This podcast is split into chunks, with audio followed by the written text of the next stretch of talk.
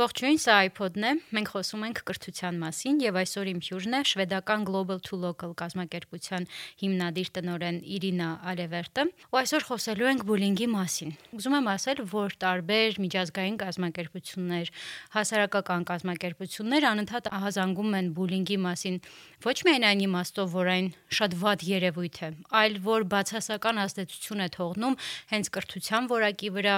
չի թողնում, որպեսզի մենք կարողանանք հավասար եւ արդարակշիռ պայմաններ ստեղծել բոլոր երեխաների համար, որովհետեւ այսօր կենտրոնանալու ենք հենց դպրոցի վրա։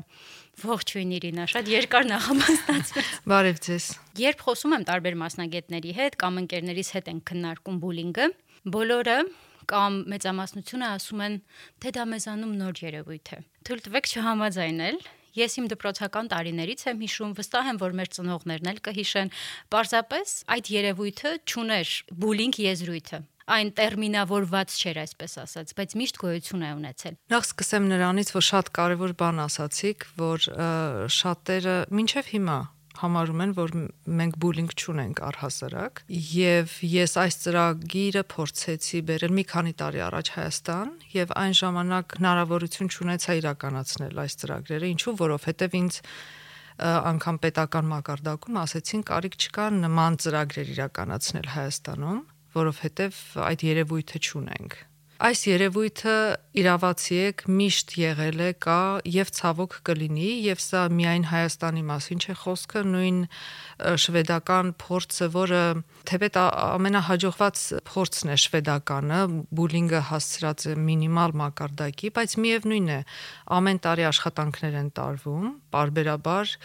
որովհետեւ այդ վտանգը կա, միշտ կա երբ սկսում ենք երևույթները ենթարկել վերլուծության, հասկանում ենք խնդիրը, այդտեղից նոր սկսվում է խնդրի լուծումը։ Եվ քանի որ մինչև հիմա մենք ասել ենք այդ երևույթը չկա մեզանում, դա նշանակում է, որ մենք չենք էլ մտածել դրա մասին որպես խնդիր, որպիսի լուծում տանք։ Հիմա շատ ուրախ եմ, որ գոնե խոսում ենք բուլինգի մասին։ Դա նշանակում է, որ հույս կա, որ մենք կգնանք այն ճանապարհով, որ կփորձենք լուծումներ տալ բուլինգին։ Իհարկե շատերը նույնպես շարունակում են կարծրատիպերով առաջնորդվել, շատ դեպքերում ասում են դե դա բնական этап է երեխայի կյանքում պետք է անցնի ինչ է եղել որ մի քիչ էլ թող բնավորությունը ուժեղանա բուլինգին ենթարկվի կոփի բուլինգի միջոց այո ցավոք սրտի այդպես էլ են ասում կուզենայի մի փոքր անդրադառնալ այդ կարծրատիպերին որոնք մեզանում իսկապես շատ նորմալ երևույթ են համարվում։ Օրինակ ծաղրելը, երեխաներին ծաղրելը, դե ինչու ոչ հետագայում նաև մեծահասակները իրար որ ծաղրում են, դրա մեջ ոչ մի վատ բան չեն տեսնում քողարկելով դա կատակով։ Հա դե կատակ եմ անում, ինչ ա եղել, որ, չէ։ Իրականում այդ կատակը շատ կարող է ցավացնել։ Այն մարդը անգամ, որին ուղված է այդ այսպես կոչված կատակը, կարող է միանալ եւ ծիծաղել ամբողջ խմբի հետ, բայց դա չի նշանակում, որ իրեն դա դուր է գալիս կամ չի նշանակում, որ հետևանք չթողեց։ Այդ ընդհանուր խմբից չանջատվելու համար կարող է միանա նույն ծաղրին իր հանդեպ Սա շատ ցավալի բան է, բայց շատ տարածված ցավոք սրտի։ Եվ ինչ է բուլինգը, վերադառնալով ձեր հարցին, դա երկար ժամանակվա ընթացքում parberabar մի խմբից, մի անznավորության նկատմամբ parberabar կրկնվող ճնշումները։ Ճնշումները կարող են լինել ֆիզիկական, հոգեբանական, այդ երեխան կարող է իզոլացված լինել ընդհանուր խմբից, կարող են ծաղրել եւ այդ ծաղրը անուններ տալ կամ ինչ որ իրերը վնասել երեխայի եւ այլն եւ այլն բայց կուզենայի որ մենք նաեւ անդրադառնանք այսպես կոչված բուլինգի շրջանակին կենտրոնում գտնվում է երեխան որին ծաղրում են ճնշում են բուլինգ են ենթարկում կա մի փոքր ավելի փոքր խումբ 2-3 հոգուց հիմնականում իրենք են ճնշում այս երեխային մնացած բոլորը այդ 85-90% երեխաները, որոնք տարբեր աստիճանի վերաբերմունք ունեն միջամտելու, թե չմիջամտելու, վախենում են կամ անտարբեր են, իմ գործը չի եւ այլն։ Եվ մեր աշխատանքները ուղղված են հենց այս 85%-ի վերաբերմունքը փոխելու վրա, որովհետեւ անտարբեր անցնելը դառնում է եւ անտարբեր լինելը եւ չմիջամտելը դառնում է ցավոք սրտի նորմ մեր հասարակության մեջ դպրոցից հետո արդեն մտնելով մեծ կյանք մեծահասակների կյանքում էլ է նման բան տեղի ունենում Դուք ասացիք օգտագործեցիք parberabar բառը, այսինքն դիցուկ պատկերացնենք դպրոցահասակ երեխայի, որին մեկ անգամ վիրավորել են կամ ծաղրել են, դա մենք համարում ենք բուլինգի դրսևորում, թե դա պիտի parberakan բնույթ կրի, որ համարենք դա հավանաբար բուլինգի դրսևորում չի, բայց դա շատ կարևոր, դա նշան է, որ պետք է ուրախadir լինել։ Եթե դա կրկնվեց, ուրեմն պետք է ուրախadir լինել, որտեղ հենց այդպես կարող է սկսվել բուլինգը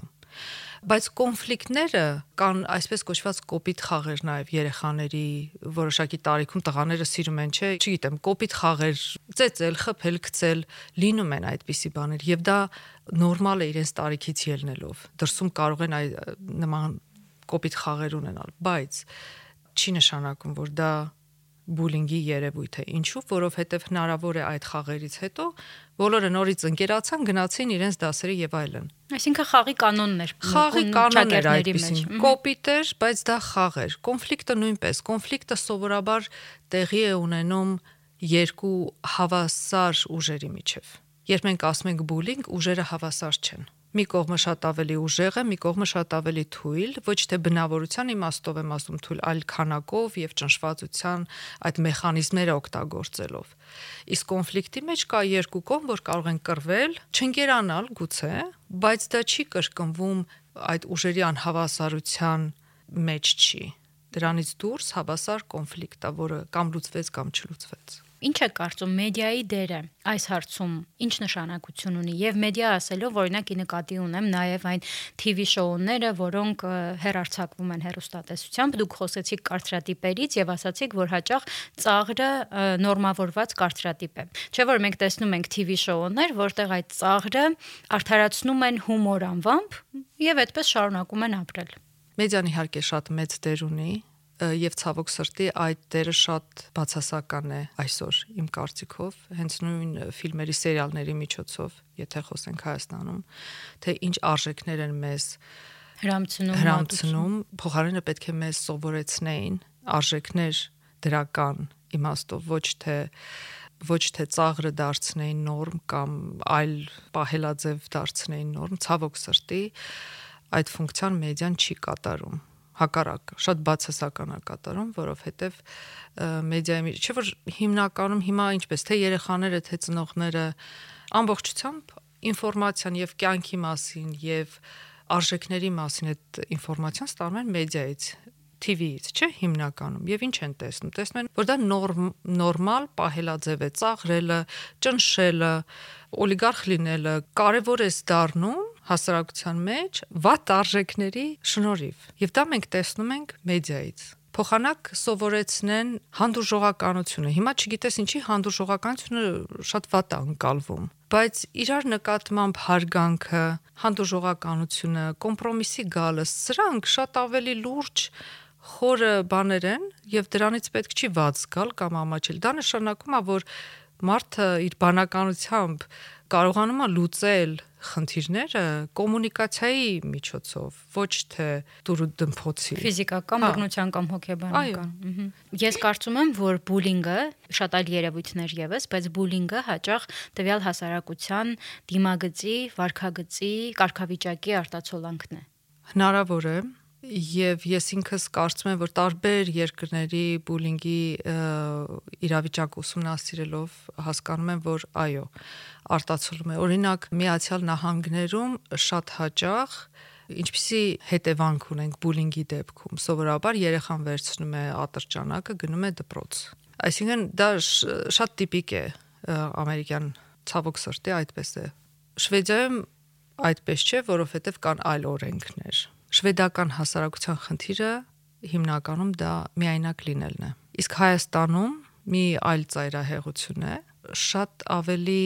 կոպիտ հարաբերությունները համարվում են նորմ։ Այսինքն տարակարծիք լինելու դեպքում մարդիկ կարծում են, որ բռնի ուժով կարելի է համոզել դիմացինին։ Այնինչ դրա կարիքը չկա, կարելի է տարակարծիք լինել եւ միևնույնն է շարունակել հարգանքով միմյանց հետ շփվել։ Այնպես որ այո, բուլինգը բնորոշում է տվյալ երկիրը կարծում եմ։ Եվ որքան հասկանում եմ, անգամ կարևոր չէ երկիրը զարգացող է թե զարգացած, որովհետև եթե դուք բերեցիք ԱՄՆ-ի օրինակը, ԱՄՆ-ը աշխարհի հզորագույն տերություններից մեկն է, բայց տեսեք, այնտեղ բուլինգը ծայրահեղ դրսևորում ունի, այսինքն անգամ վիրավորանքի մակարդակում չէ, այլ հենց ատրճանակի կամ շատ ավելի վատ դրսևորումներ ունի։ Գիտեք, Միացյալ Նահանգներում լուրջ ուսումնասիրություններ են կատարվել։ Ցավոք սրտի Հայաստանում ուսումնասիրություններ ամբողջ ազգային մակարդակով թե ինչ ինչ խնդիր ունենք մենք բուլինգի հետ չունենք նման ուսումնասիրություններ դրա համար շատ դժվար է ասել. Առհասարակ Հայաստանում ստատիստիկան ինչ ցույց կտա օրինակ Միացյալ Նահանգներում մոտավորապես կարելի ասել 35% բուլինգ գոյություն ունի դպրոցներում, Շվեդիայում ասում են 4-ից 10% եւ այլն։ Որոշ երկրներում Ռուսաստան, Ուկրաինա, ենթադրում եմ Հայաստան այդ տոկոսը 50-60-ի մոտ է։ Ենթադրություններ են սրանք, բայց պետք է հասկանալ, որ բուլինգը տարբեր երկրներում տարբեր ձև է արտահայտվում, իսկ ինչպես է արտահայտվում Հայաստանում, ես ցավոք սրտի այդ պատկերը չունեմ եւ շատ կարեւոր է տեսնել։ Կարող է այն այնքան թաքնված է, որ մենք չենք տեսնում եւ հետևանքները շատ ավելի ծանր են, քան մենք այսօր կարող ենք պատկերացնել։ Պարզապես մենք այդ ինֆորմացիան չունենք այսօր։ Իրինա, իսկ ինչ եք կարծում, ինչու է ցանկացած բացասական երևույթ, որ արկա է մեր հասարակության մեջ, եւ մենք դրա մասին բարձրաձայնում ենք, միանգամից մեր ժողական պահվածքի այսպես պատի է դեմ առնում։ Այսինքն, տեսեք, ասում եք, որ մի քանի տարի առաջ անգամ ուզում եք բուլինգի կանխարգելման ծրագիրը սկսել եւ ձեզ ասում էին չէ, մեզ մոտ բուլինգ չկա։ Ինչու է հասարակությունը մերժում, որովհետև ինքը ստիպված պիտի լինի ջանք թափել դա կանխարգելելու լուծելու համար։ Գիտեք, մեր հասարակությունը առհասարակ սխալներ անելու հետ խնդիրներ ունի մենք փոքրուց մեզ սովորացնում են եւ դա մեր մշակույթն է, որը նույնպես իդեպ մեր ծրագրերով բուլինգի կանխարգելման փորձում են կոտրել այդ կարծրատիպերը։ Փոքրուց երեխային սովորեցնում են, որ դու սխալ անելու իրավունք չունես։ Ցախողվելու իրավունք։ Այո բայց դա ինչ է նշանակում? Երեխան եւ ամբողջ հասարակությունը շատ դժվարությամբ է ընդունում այն փաստը որ կարող է մենք ցախողվել ենք սխալ են կարել եւ դրան թեթև նայելու այդ հնարավորությունը չունենք այլևս, որովհետեւ մենք փոքրուց պատժվում ենք ցանկացած սխալ արարքի համար, ցանկացած սխալ գնահատակ, ցածր գնահատականի համար։ Դրա փոխարեն պետք է պարզապես հասկանալ եւ փոքրուց դա սովորեցնել, որ շատ նորմալ է սխալվել, շատ նորմալ է վատ գնահատական ստանալ դա նշանակում է փորձ դրա համար չի կարելի երեխային պատժել պետք է սովորեցնել ուղություն ցույց տալ ասել դե տես երկրորդ հաջորդ անգամ լավ կլինի Էլի լավ, էլի փորձ, էլի փորձի։ Չէ որ միայն փորձերի շնորհիվ է, որ մարդ զարգանում է եւ փորձերի շնորհիվ է, որ մարդ հասնում է իր ուզած արդյունքին այն պահին, երբ մենք որոշում ենք, որ այլևս տարբերակ չունենք առաջ գնալու սխալեր եւ վերջ, զարգացումը կանգ է առնում։ Հիմա նույնը տեղի ունենում ցանկացած նոր միտք, որ գալիս է եւ կարող է ինչ որտեղ նաև քննադատել նախորդ կամ եղած իրավիճակը շատ դժվարությամբ է ընդունվում որովհետև նախ պետք է մենք այդ խիզախությունը ունենանք ընդունելու որ մենք սխալ էինք Իսկ դա մեր համար տրագեդիա է դառնում, չգիտես ինչու, փոխարեն ասել լավ, եկեք մենք սխալ ենք, նոր միտք եք բերել, նոր մոտեցում, եկեք փորձենք, գուցե ստացվի։ Այդ թեթե վերաբերմունքը չկա նորություն ընկալելու, նոր բաներ սովորելու, ցավոք սրտի։ Երկրորդը, ինչպես դուք նշեցիք, ճիշտ է, ջանքեր պետք է դրվեն, որpիսի խնդիրը լուծվի եւ դա բավական մեծ աշխատանք է պահանջում։ Դա մտածելակերպի փոփոխություն է պահանջում։ Եվ երրորդը այն է, որ մենք մարդու բնույթն է այդպեսին, բայց դժվարությամբ ենք մեր տակուկ տեղից շարժվում ունենք սխալա վատա մերնա այս սա է մեր մոտեցումը մեզ նորություններ պետք չեն տարբեր տեղերից սա է սա մեր ավանդույթն է այսպես էլ շարունակում ենք ցավոք Հետաքրքիր է, որ օրինակ արտասահմանցիները, որոնք ապրում են Հայաստանում կամ գալիս են Հայաստան, պարտադիր նշում են, որ առաջին բանը, որ իրենց հիացնում է, այն է, որ հայերը շատ երեխայակենտրոն եւ երեխայասեր են։ Բայց դրա հետ մեկտեղ նաեւ այս ծայրահեղությունը կա։ Այո, առհասարակ իմ համար սա շատ կարևոր թեմա է երեխայա սեր լինելը, որովհետև ուզում եմ նախ հասկանանք ինչ է նշանակում երեխային սիրել։ Իսկապես ինչպես են հայերը երեխային սիրում, կասեք փայփայելով, երբեմն անկախություն չտալով, ճափից դուրս հոգ տանելով նրա մասին։ Այո, եւ ես չեմ կարծում, որ դա սեր է, որովհետեւ գուցե սիրո մի մաս անպայման, հա, բայց սերը շատ ավելի սիրո մեջ կա հարգանք նախ եւ առաջ եւ երեխայի նկատմամբ հարգանք։ Սիրո մեջ կա երեխային ազատություն այդ ազատությունը տալու։ Երբ ասում ես ազատություն, մի անգամից ինչ որ ծայրահեղ բաներ են մտածում, բայց ազատությունը երեխայի զարգացման կարևորագույն պայմաններից է որ երեխան փորձի փոքր ժամանակվային չէ փորձում են տարբեր բաներ երեխային պետք է ազատ թողնել որ ինքն իր աշխարհը ճանաչի եւ քանի ծնողները իր կողքին են հասկանա որ այդ հանգստությունը ունենա որ ինքը կարող է սխալվի իսկ ծնողները կողքին են շատ-շատ կարևոր է։ Էմոցիոնալ այդ վստահությունը ծնողների նկատմամբ գալիս է հենց փոքրուց եւ դու գիտես որ դու կարող ես ամեն ինչ անել, ամեն ինչ փորձել, բայց իհարկե ծնողը քեզ ուղություն կտա, բայց դու գիտես որ քո կողքին կա մեկը, որը քեզ չի պատժի քո սխալների համար։ Կբացատրի, կուղորթի, կուղորթի եւ կօգնի քեզ։ Իսկ մենք փոքրուց ինչ ենք անում եւ այդ սերը ես չեմ հասկանում, հա։ Երեխայի փոխարեն խնդիրներ լուծելը չեմ կարծում, որ սիրո նշան է, որովհետև շատ ավելի դժվար է երեխայի հետ հավասար գնալ, օգնելով որ երեխան իր սխալները անի, իր փորձը ձեռք բերի, իր խնդիրները լուծի իր, իր ձևով, բայց հավասար միշտ գնալ իր հետ եւ օգնել այն պահին, երբ երեխան իսկապես ուզում է որ ծնողը օգնի եւ դրա կարիքը իսկապես կա։ Իսկ մենք այդ երեխային օգնելու անվան տակ որոշումներ ենք ընդունում երեխայի փոխարեն, կարծելով, որ դա երեխայի մենք մեր պատկերացրած ճիշտն ու սխալը փաթաթում ենք երեխայի գլխին։ Եվ դրա անունը դնում ենք մենք մեր երեխայի մասին հոգ ենք տանում։ Բայց դա եւս կարծում եմ արժե համակարգի կամ պետության քաղաքականության հետևանք է։ Այսինքն, եթե ծնողին տալ անհրաժեշտ հմտություններ եւ ասել, որ գիտես, ազատ երեխա մեծացնել չի նշանակում մի կողմ թողնել եւ ասել մեծացիր ինչպես ուզում ես։ Լինել հետևողական, նրա ձեռքը բռնած քայլել, բայց թողնել, որ ինքը եւս հմտություններ ձեռք բերի։ Կարծում եմ ծնողը եւս դրան կհասնի, որ այո, ի վերջո դա ինձ համարել է լավ, ունենալ անկախ երեխա եւ սեփական որոշում կայացնող քաղաքացի միանշանակ ճիշտ եք հենց վերջից սկսեմ, այս ամենը բերում է նրան, որ ինքնուրույն որոշում կայացնող քաղաքացի ենք մեծացնում, որի համար քննադատական մտածելակերպը շատ կարևոր գործիք է փոքրուց Այսինքն դա նշանակում է, որ հետագայում բոլոր որոշումները արդեն կյանքում ոչ թե ինչ որ մեկը կգա վերևից կասի, այսպես կանես, որով հետև ես մեծ եմ, ես ասեցի կամ ես պաշտոն ունեմ, ես ասեցի, այլ երեխան եւ հետագայում մեծ զահասակը քաղաքացին կմտածի, թե որն է ճիշտ եւ ինչու այսպես վարվել։ Իսկ փոքրուց մենք երեխայի մեջ ճնշում ենք այդ ինքնուրույն մտածելու եւ ինքնուրույն սխալներ անելու եւ ինքնուրույն սխալների պատասխան տալու այդ գիծը ցավոք։ Իրինա, իսկ դա բուլինգի դրսևորում է, թե բուլինգ ասելով մենք նկատի ունենք հասակակիցների կողմից միայն։ Այո, ես կգերադասեի, որ մենք թողնենք բուլինգը այդ հասակակիցների միջև դպրոցական բուլինգի մակարդակին, որովհետև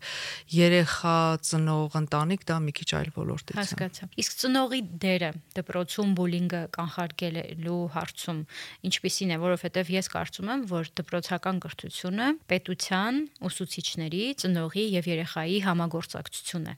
բոլորը պիտի այս կամ այն չափով ներգրաված լինեն։ Ինչ պիտի անի ծնողը։ Ենթադրենք, պատկերացնենք իրավիճակային քննարկենք։ Երեխան եկել է տուն, բացատրում է իր ծնողին, որ իր ընկերները parberabar իրեն նեղացնում են, վիրավորում են ու ինքը չգիտի ինչպես լուծել խնդիրը։ Եվ ծնողի առաջի ռեակցիան գնալ այդ երեխաների ծնողների հետ հարցեր բարձել, որը իրականում սխալ մոտեցում է, բայց քանի որ մենք ճունենք այդ մեխանիզմը, ինչպես լուծել այդ հարցերը, ես հասկանում եմ, որ յուրաքանչյուր ծնողի մոտ նման ցանկություն է առաջանում ես կարող եմ բերել շվեդական փորձը։ Դա համագործակցությունն է ծնող, դպրոց, երեխա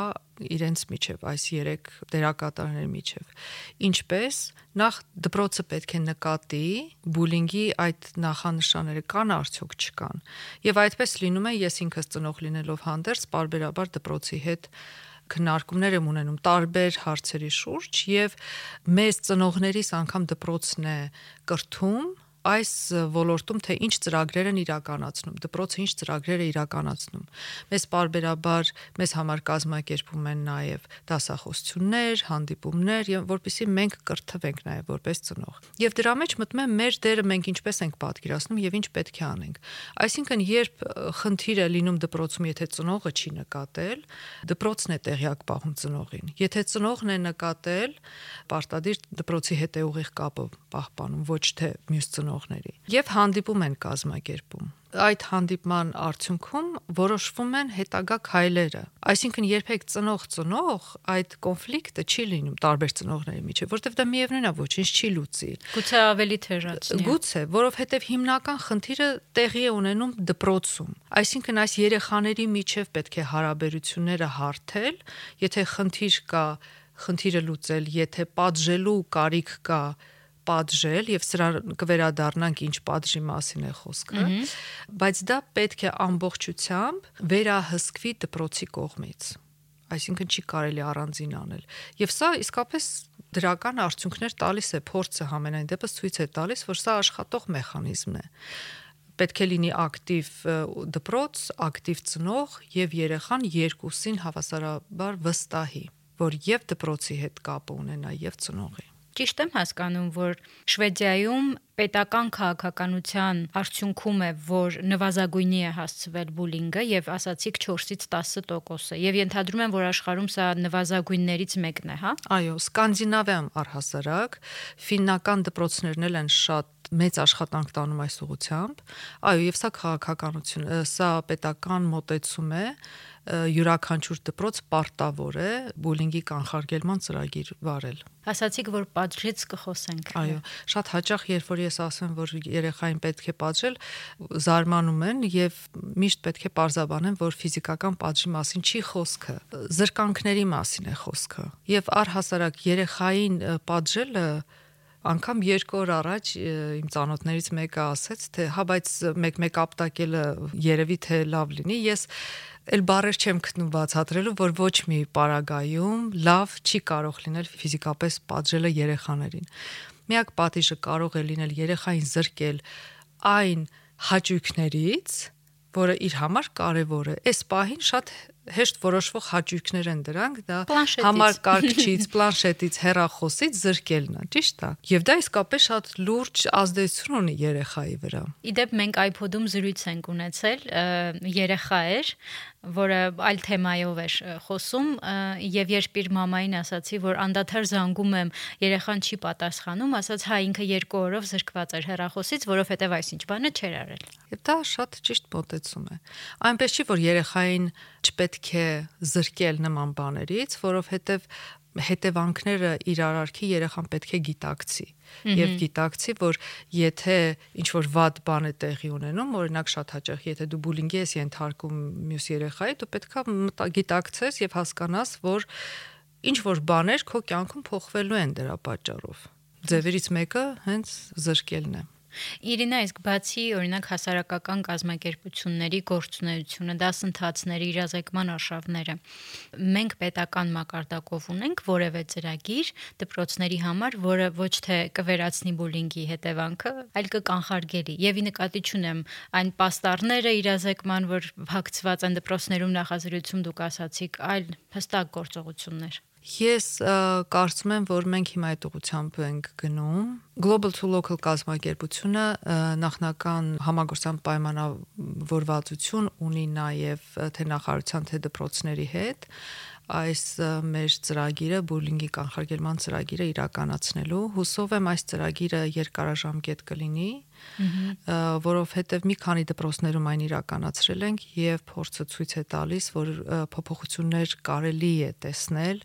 կարճ ժամանակահատվածում պարզապես այս ծրագիրը պետք է միաժամանակ բոլոր դպրոցներում իրականացվի, որովհետև այլապես տանում ենք փոքր կղզիներ, որտեղ ինչ որ մի խնդիր լուծվում է, բայց այդ երեխաները ի վերջո գալիս մտնում են նույն հասարակություն, նույն միջավայր, որտեղ գուցե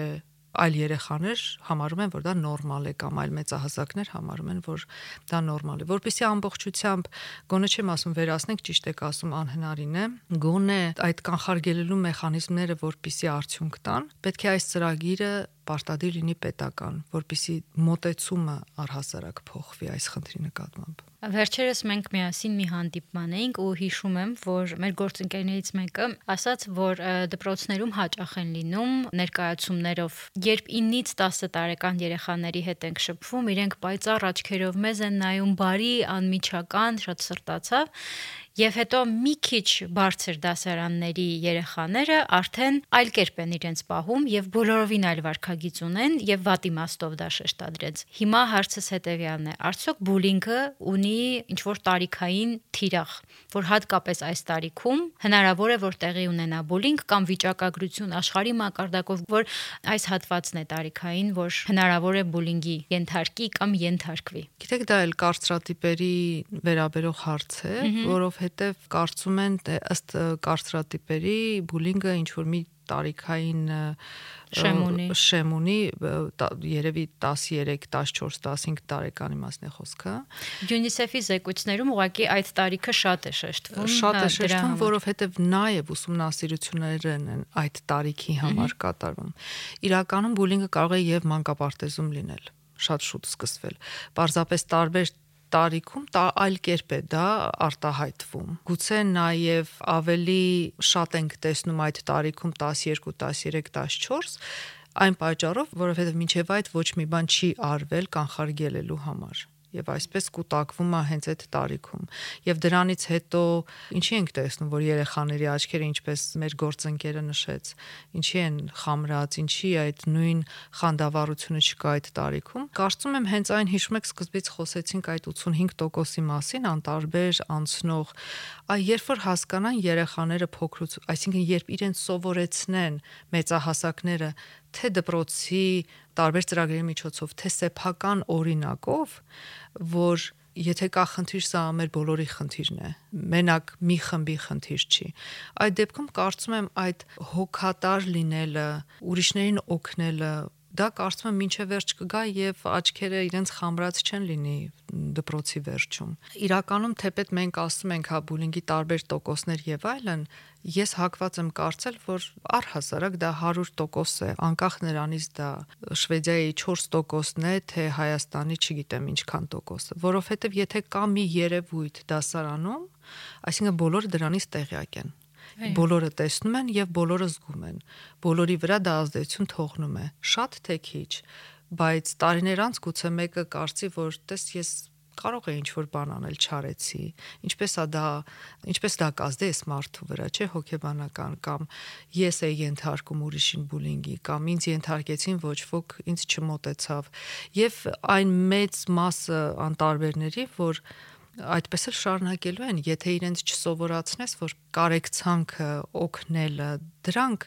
արժեքներ են, որոնք պետք է մարդ ձեռք բերի այդ տարիքում։ Պետք է դաստիարակես, պետք է ցույց տաս սեփական օրինակով, որ դրանք կարևոր բաներ են։ Եթե դրանք չկան, ուրեմն առհասարակ մեր հասարակությունը դառնում է այդ 85%-ը անտարբերների։ Ես կարծում եմ, որ լավագույն ձևը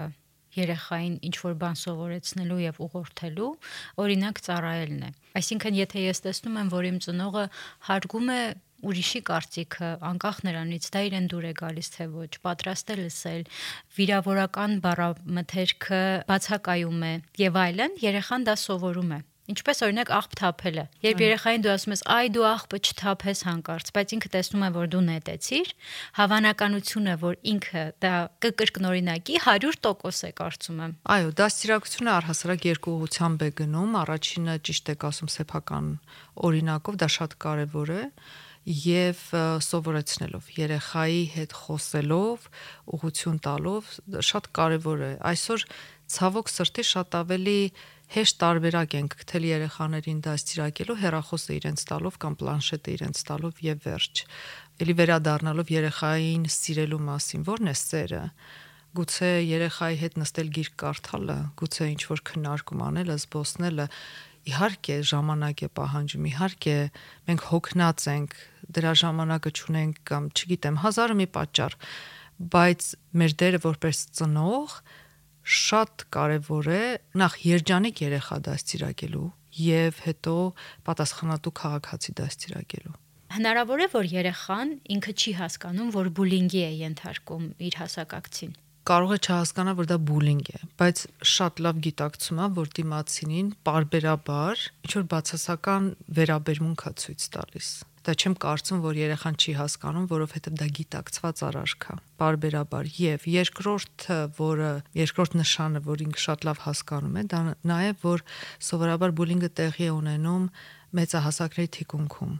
Այսինքն, եթե ինքը չկարծի, որ դա վատ բան է, չէ, ինքը ամենտեղ էլ կանի, կենթարկի բուլինգի, բայց սովորաբար բուլինգի ենթարկում են այնտեղ եւ այն դեպքում, երբ մեծահասակներ չկան։ Նորությունները դժվար են ընկալվում, բայց դա չի նշանակում, որ չպետք է լինեն նորություններ։ Հա, երբեմն նոր մտքերը, նոր արժեքները գուցե ցավոտ են ամենասկզբից, ընկալել, ընդունել եւ այլն։ Բայց կարծում եմ, եթե դրանք կարեւոր են, պետք է հաղթահարել այդ դժվարությունը, մի քայլ գոնե առաջ գալ դեպի նորը եւ սովորել դրանք ես կողմնակից եմ, որ այդ ամենը պետք է ադապտացվի իրականությանը, որpիսի հակառակ ազդեցություն չլինի ամբողջությամբ մերժվի ինչ-ինչ պատճառներով։ Եվ բացի այդ կան բաներ, որ համամարտկային են, այսինքն բնորոշ են գրեթե բոլոր ազգերին եւ հասարակակարգին։ Այո, համաձայն եմ։ Մենք այսօր խոսեցինք բուլինգի մասին, բայց ինձ համար երկու կարևոր կետ ես առանձնացրի։